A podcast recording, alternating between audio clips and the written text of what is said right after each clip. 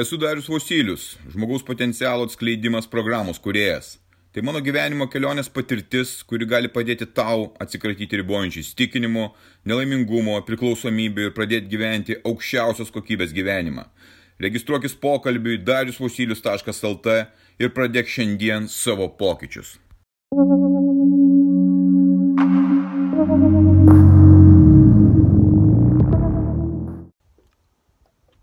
Ankstyvas rytas. Nusprendžiau paplaukti su valtelė, pamastyti apie šitą gyvenimą. Pasižiūrėti, kas aš esu dabar ir kas įdomu ne tik tai man, bet ir tau. Jau keletą dienų bendrauju su įvairiais žmonėmis, kuriems pagrindinis rūpestis ir pokalbių tema yra maistas niekaip nesuprantu, kaip taip gali žmogaus gyvenime būti pagrindinis rūpestis maistas. Kai bandau klausti, tai kaip jūs gyvenime įsivaizduojate save, kokie jūsų tikslai, kokios jūsų yra prasmės, jie nesupranta, kodėl aš jų klausiu tokių klausimų. Taip, gal yra paprasti žmonės. Bet, o pats ar savo užduodi tokių klausimų? ar tavo artimųjų, pažįstamų rate yra žmonių, kurie norėtų išgirsti šiek tiek daugiau apie tą gyvenimą, gyventi jį šiek tiek kitaip, ar gyventi jį gerokai kitaip. Beveik visi paskendę pokalbiuose apie maistą, ką jie valgė, ką jie valgys, ką jie gamina, kokios kainos. Dar viena tema, kuri yra, yra karas. Visi ekspertai kare, visi patarinėja, visi sako, visi džiaugiasi vienokio ir kitokio įvykių tame kare. Taip pat dar yra krepšinis, taip pat dar yra telefonai, kuriuose jie pabūna, pasidžiaugia katėmis šokančiomis. Ir tai yra gyvenimas.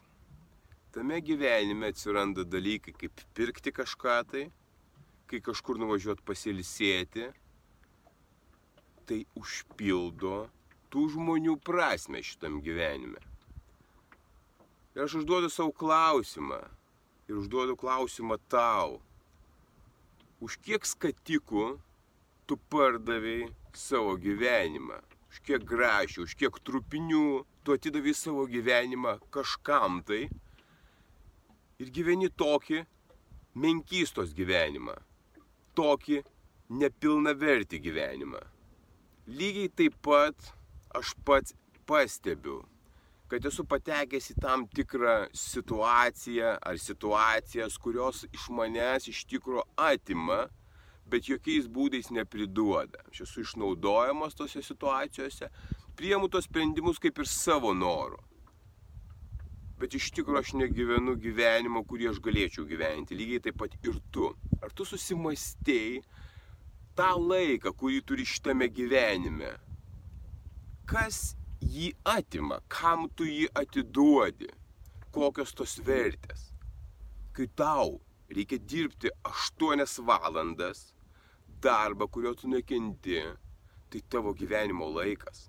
Tos 8 valandos, pietų pertrauka, važiavimas į darbą, grįžimas iš darbo, tu gauni trupinius už tą brangų savo gyvenimo laiką. Tu nedirbi savo mylimo darbo, tu nedirbi tiek, kiek tu nori dirbti. Tu esi įtrauktas į sistemą, kurioje tu sukiesi, vargsti, bandai ištrūkti ir dėtau tai nepavyksta. Problema yra ne tik tai tame, kad tu atiduodi tą laiką, darbo laiką, už skatikus, tu savo norų tai padarai. Likusis laikas yra skirtas tau bandyti atsigauti tas bandymasis vyksta, bandymas atsigauti vyksta prie teliko, vyksta šnekant su kažkokiais tai savo draugais apie karą, apie krepšinį, apie maistą. Tai, tai yra apie jūsminius dalykus. Vien tik pasitenkinimas, vien tik pramogos užpildė šitą pasaulį. Aplinkui silpni žmonės. Niekas neturi valios, drąsos, stiprybės elgtis ir gyventi kitaip. Visi kažkokiame tai beprotybės, beprotybės apimtame pasaulyje. Į kur tai nuves?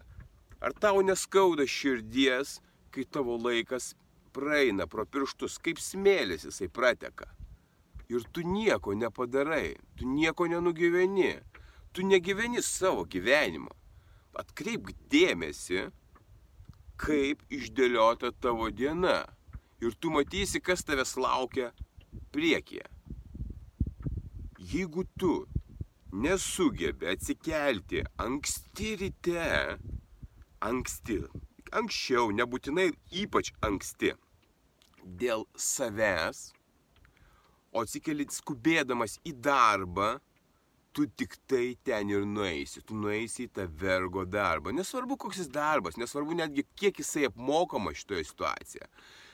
Bet daugelio atveju 99 procentai žmonių keliasi ne dėl savęs, o dėl kažkokių tai grašių. Tu pažiūrėk, tu skubi pavalgyti, skubi greit kažką susidėti, skubi kažką dar pasižiūrėti, pasiklausyti ir nei minutės negali skirti savo, pabūti su savimi, ramiai pamastyti apie tai, kas tu esi, ką tu galėtum padaryti, ką tu galėtum pakeisti savo ir kitų gyvenime. Ir ta beprotybė, kaip švilpiko diena, sukasi kiekvieną dieną pas visus. Kažkur viduje kažkas tai dar susimasto, kad kažkaip tai ne taip čia viskas vyksta bet nieko nedaro.